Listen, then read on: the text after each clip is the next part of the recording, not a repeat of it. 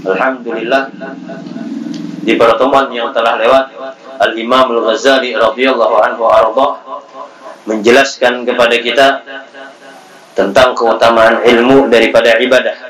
Jadi ujar sidin semalam bahwasanya menuntut ilmu itu lebih afdol daripada kita beribadah. Bahkan disebutkan dalam sebuah hadis dari Rasulullah sallallahu alaihi wasallam duduknya kita di majelis ilmu dan ilmu itu yang kita tuntut adalah ilmu yang bermanfaat. Duduknya kita di majelis ilmu yang bermanfaat maka itu lebih afdol daripada kita sembahyang seribu rakaat dan lebih afdol lagi daripada kita meelangi orang garing seribu orang dan lebih afdol daripada menziarahi orang meninggal seribu seribu orang yang meninggal. Jadi banyak keutamaan menuntut ilmu ini.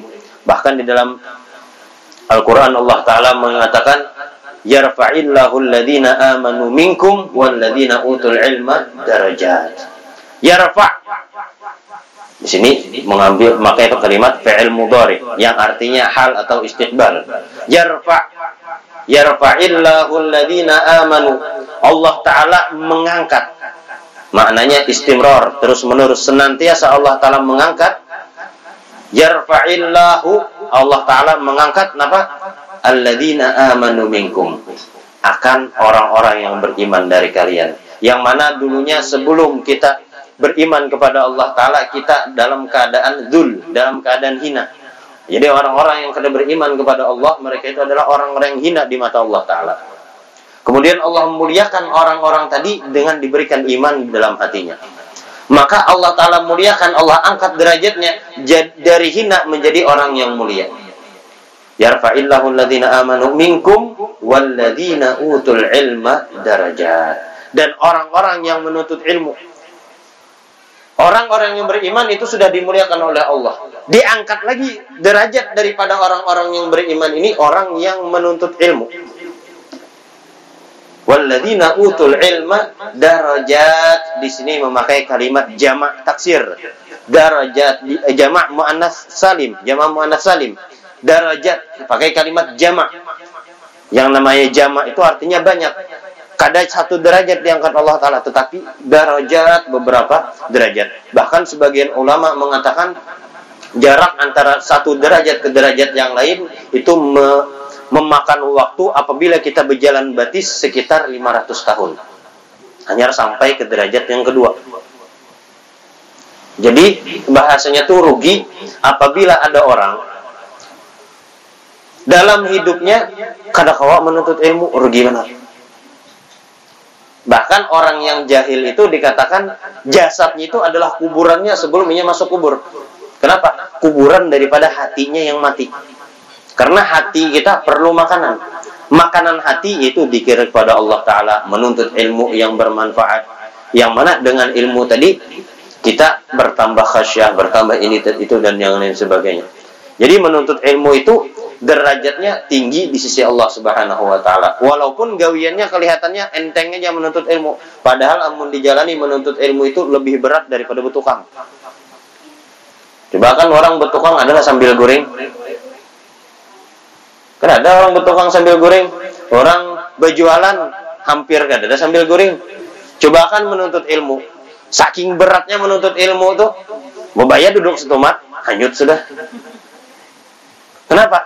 Karena disebutkan ada cerita, bahwa kisahan aja sudah akan-akan nih, pandiran aja. Ada diceritakan seorang yang soleh.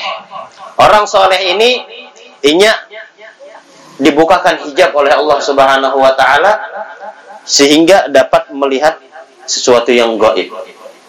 Di antaranya yang gaib adalah iblis. Nah, lalu si orang soleh ini ketika melihat iblis ditakuninya wahai iblis oh iblis hendak mananya wajar iblis hendak hendak ke masjid atau ke tempat-tempat majelis taklim tempat-tempat penuntut ilmu kenapa gawi di sana mana penang nyawa itu kenapa wajar iblis nih aku membawa paku lawan gelapung bawa paku lawan gelapung wajar iblis Biasanya apa? Apa gunanya pakulon gelapung tadi? Bicara orang soleh tadi betakun. Ujar iblis, sini aku buka rahasia di sini. Kamu cuma jangan dipadah-padah ini ujar iblis. Berdiaman aja. Nah, apa rahasianya? Ini ujar iblis paku nih. Kena ku bawa ke masjid, ku bawa ke majelis taklim, tempat menuntut ilmu. Tujuannya apa? Supaya ujar iblis kena ku hambur di bawah buritnya. Di bawah burit orang-orang duduk tuh. Makanya lihat aja orang yang duduk di majelis taklim, duduk di majelis ilmu, duduk di masjid, karena bertahan lawas. Duduk setumat gelisah sudah buritnya. Bapakku burit napa? Gelisah. Karena sapa. Kena berdiri keluar. Apa-apa digawe keluar tuh. Masuk pulang. Duduk pulang. Kada sapa. Keluar pulang. Masuk pulang. Merusak pemandangan aja. Keluar masuk, keluar masuk. Bahasanya tuh ingin sejam gini kita duduk tuh rasa Aduh, lawasnya duduk sejam ya. Apalagi dua jam, apalagi tiga jam. Berat benar. Mbah Pang ujar orang soleh tadi, tahu sudah aku gunanya paku tadi. Mbah gunanya gelapung itu apa? Gunanya gelapung ini ujar iblis amunnya orang tuh tetap tugul dinya berduduk. Kadang mau keluar pada majelis itu, pada kadang mau keluar pada masjid tetap tugul duduk. Mbah apa? Hanya aku pakai gelapung ini ujar iblis. Bisa apa gelapung mulah wadai ya? Kada. Bisa apa? Ku hambur di matanya ujar iblis. Jadi ku hambur di matanya, makanya barat mata nah. Hadir majelis taklim, apalagi kalau sah majelis taklim, khutbah Jumat. Khutbah Jumat, biar guring sebelum Jumat tuh sudah. Misal guring jam 10 guring, jam 11 bangun, mandi, tulak ke masjid, orang khutbah Hmm, lanjut aja sih Din. Kenapa? Dihambur iblis di mata gelapung. Nah, jadi itu iblis gawiannya mengganggu orang-orang yang menuntut ilmu. Jadi penuntut ilmu itu walaupun kelihatannya enteng, gawiannya bayar duduk aja jar. Nyaman aja bayar duduk aja. Kelihatannya enteng tapi lebih uyuh daripada orang yang begawi. Orang menuntut ilmu apalagi bujur-bujur penuntut ilmu itu di diriwayatkan bahwasanya sebagaimana Al Habib Muhammad Al Haddar Allah yarham guru daripada guru mulia Al Habib Umar Habib Muhammad Al Haddar itu beliau setiap sebelum menuntut ilmu itu memurajaahi yang sudah dipelajari 25 kali diulang. Dan mempelajari yang akan dipelajari 25 kali diulangi. Ini orang penuntut ilmu nih gitu. Amun yang kayak kita nih Wallah alam. Mudah-mudahan mulhak barang dimasukkan daripada orang yang menuntut ilmu walaupun jauh derajat kita dari para penuntut ilmu. Orang-orang penuntut ilmu itu uh bujur-bujur menuntut ilmu. Bahkan diriwayatkan bahwasanya Habib Muhammad Al Haddar itu sidin itu bilanya murajaah malam tuh mengantuk sidin naik ke atas loteng. Naik ke atas loteng duduk di paling pojok. Pokoknya ujar sidin bilanya ngantuk gugur mati. Ada tahu eh? Mana bilanya ngantuk pacang mati sigar terjadi ngantuk. Nah, itu para penuntut ilmu. Ada yang diandaki paku lah di bangkunya. Sebagian ulama ada yang diandaki paku di bangku. Jadi bilanya mingkut kitab pindah ngantuk kenapa aku terbangun. Nah, jadi itu para penuntut ilmu itu. Bujur-bujur mereka menuntut ilmu. Nah, kemudian ujar Sidin di sini, "Tsumma qala al-musannif rahimahullahu taala wa nafa'na bi wa bikum fid darin amin ila an qala wal ilmu nafi' ma yazidu fi khaufika min Allah taala." Ujar Imam Ghazali radhiyallahu anhu ardah setelah menjelaskan kepada kita bahwasanya keutamaan menuntut ilmu itu lebih afdal daripada beribadah Kemudian beliau menjelaskan kepada kita al-ilmu nafi'. Apa itu ilmu nafi'? Ilmu yang bermanfaat yaitu adalah ujar sidin ma yazidu fi khaufika minallahi taala. Yaitu adalah ilmu yang apabila kita tuntut, yang apabila kita pelajari akan menambah takutnya kita kepada Allah taala. Bilanya menuntut ilmu tapi bahasanya tambah wani Allah taala, tambah merasa Bapak jar Allah Ta'ala sembahyang kan merasa Allah Ta'ala diri merasa Allah Ta'ala. Ini yang bahaya. Jadi menuntut ilmu itu ilmu yang menambah rasa takut kita kepada Allah. Ini bilanya aku menggawi ini, kira-kira Allah Ta'ala suka kada? Bilanya Allah Ta'ala suka, aku gawi. Bilanya Allah Ta'ala kada suka, tinggalkan. Ini namanya ilmu khauf. Bahkan ilmu khauf ini sangat perlu kita gunakan dalam keseharian kita. Cuma jangan khauf aja. Harus ada seimbang, ada khauf, ada roja. Khauf itu takutan dengan Allah Ta'ala, cuma kita roja ada juga. Rojanya apa? Kita berharap Allah Ta'ala mengampuni dosa-dosa kita, berharap Allah Ta'ala memberikan taufik hidayah kepada kita. Jadi semasa kita hidup ini, khauf dan raja itu harus seimbang. Jangan takutan jalan Allah Ta'ala, berharap kada atau berharap ajaran Allah Ta'ala kayak najar. Bilanya aku tuha bisa ya aku bertaubat. Bilanya tuha, bilanya nu hajar aku bertaubat. Nah ini berharap aja soalnya mati kada sampat bertaubat. Ini berharap aja takutannya kan ada. Jadi harus ada takutan, ada pengharapan. Takutan non Allah Ta'ala, ini bilanya aku nih masih bermainan aja, masih ketujuh, buang-buang waktu bahasanya. Busi aku mati, rugi aku. Ini bertambah ilmu takutan. Apa aja ilmunya yang menambah kita takutan? Itu adalah ilmu yang bermanfaat.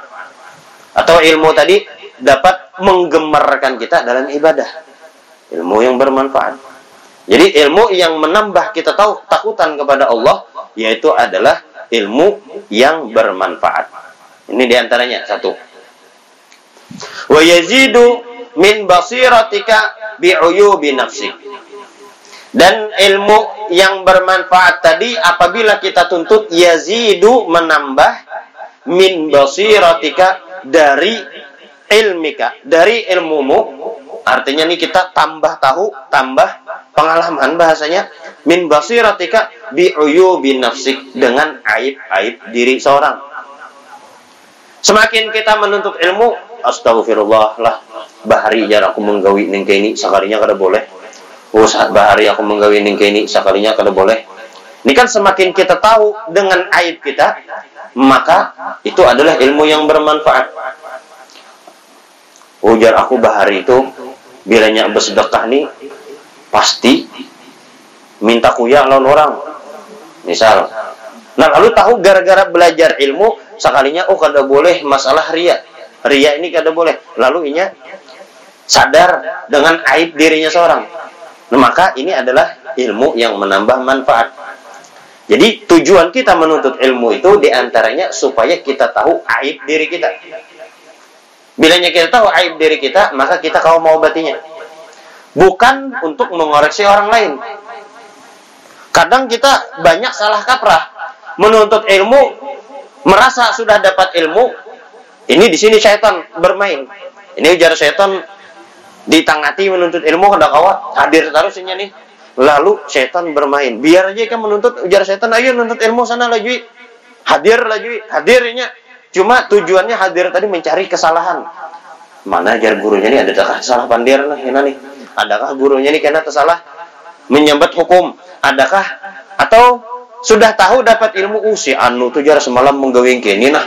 Haram sekalinya kada boleh si anu tuh. Uh, si anu tuh jadi kada boleh kita menuntut ilmu itu menunjuk ke orang lain.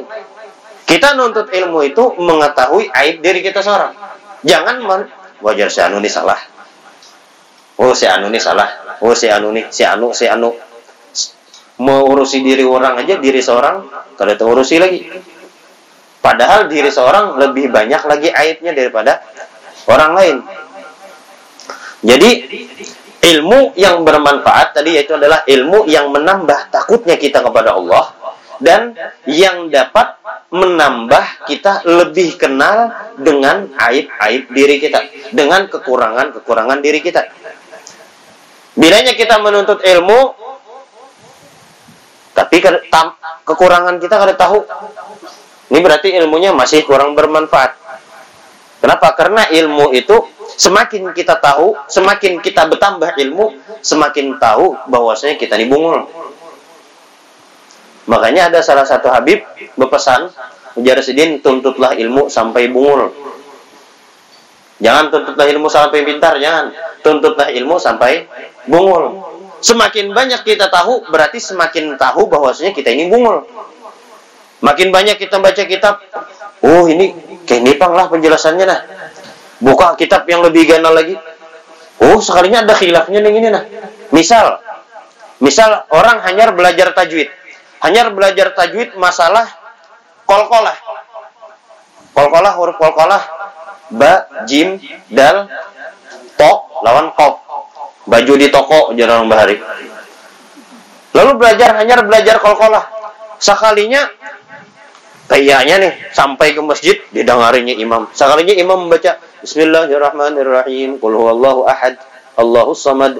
Lam yalid wa lam yulad wa lam yakul lahu kufuwan ahad. Karena kolkolahnya. Wah, salah imam nih jar. Ini kan menyalahkan orang. Kenapa? Karena ini hanya belajar ingin situ. Tuntut lagi ilmu, tuntut lagi, tuntut lagi. Uh, ternyata di dalam madhab itu ada khilaf. Khilaf ulama Imam Ahmad bin Hambal, Imam Ahmad bin Hambal termasuk daripada ulama Qurra juga. Jadi Imam Ahmad bin Hambal, kol-kolah itu menambah huruf. Karena ada kol-kolah. Nah, di sini, oh hanya tahu bang sekalinya kolkolah itu dalam madhab lain, dalam pendapat imam lain, bahwasanya kolkolah itu ada yang kada bemantul. Amunnya kita, ulama kita, kiraat imam hafaz, pakai mantul, pakai dipantulakan. Qul huwallahu ahad, Allahu samad. Nah, jadi kan kita tahu, semakin kita banyak diisi ilmu, semakin tahu, oh, sekalinya aku nih bungul, Bang. Sekalinya aku nih kada tahu, Bang. Hanya aja aku tahu. Makanya ujar orang tuh bilanya kita tuh melihat orang nih menggawi sesuatu, apalagi orang itu tuan guru besar, misal orang alim menggawi sesuatu, jangan langsung kita salahkan. Mungkin sidin ada pendapat ulama yang lain. Jangan mengetirat langsung. Oh, si anu tuh jar ini ini ini, si anu ini ini ini. Kada boleh kita langsung etirat. Bilanya kita ada kada cocok lawan sidin, datangi takuni Jangan dikisah-kisahkan ke orang lain. Datangi takuni. Ulun melihat pian keni keni keni siapa? Jawab sidin. Jawab sidin keni keni keni. Ini bilanya dasar bujur bujur orang yang berilmu. Tapi kadang kisah-kisah berilmu juga, kisah-kisah alim juga. Lalu berfatwa asal-asalan. Nah ini yang bahaya. Jadi ilmu yang bermanfaat tadi cukup dua gitu lah yaitu adalah ilmu yang menambah takutnya kita kepada Allah. Yang kedua, ilmu yang mengenalkan akan diri kita aib-aib diri kita seorang. Wa yazidu fi ma'rifatika bi ibadati rabbik wa yuqallil min ragbatika fid dunya wa yazidu fi ragbatika fil akhirah wa yaftahu basirataka bi afati a'malika hatta tahtariza minha. Wa yudli'uka ala makaidi syaitan wa gururihi wa kayfiyati talbisihi ala ulama isu hatta arradahum limaktillahi ta'ala wa sakhatih. Wallahu a'lam.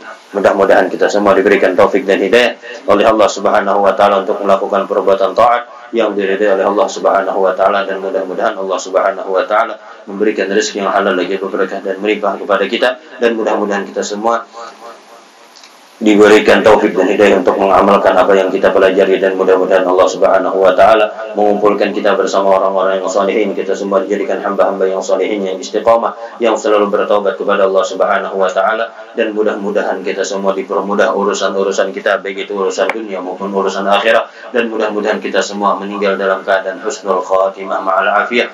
Ala hadiniyah wa ala kulli man nabiy sallallahu alaihi wa ila hadratin nabi Muhammadin sallallahu alaihi wasallam. Al-fatihah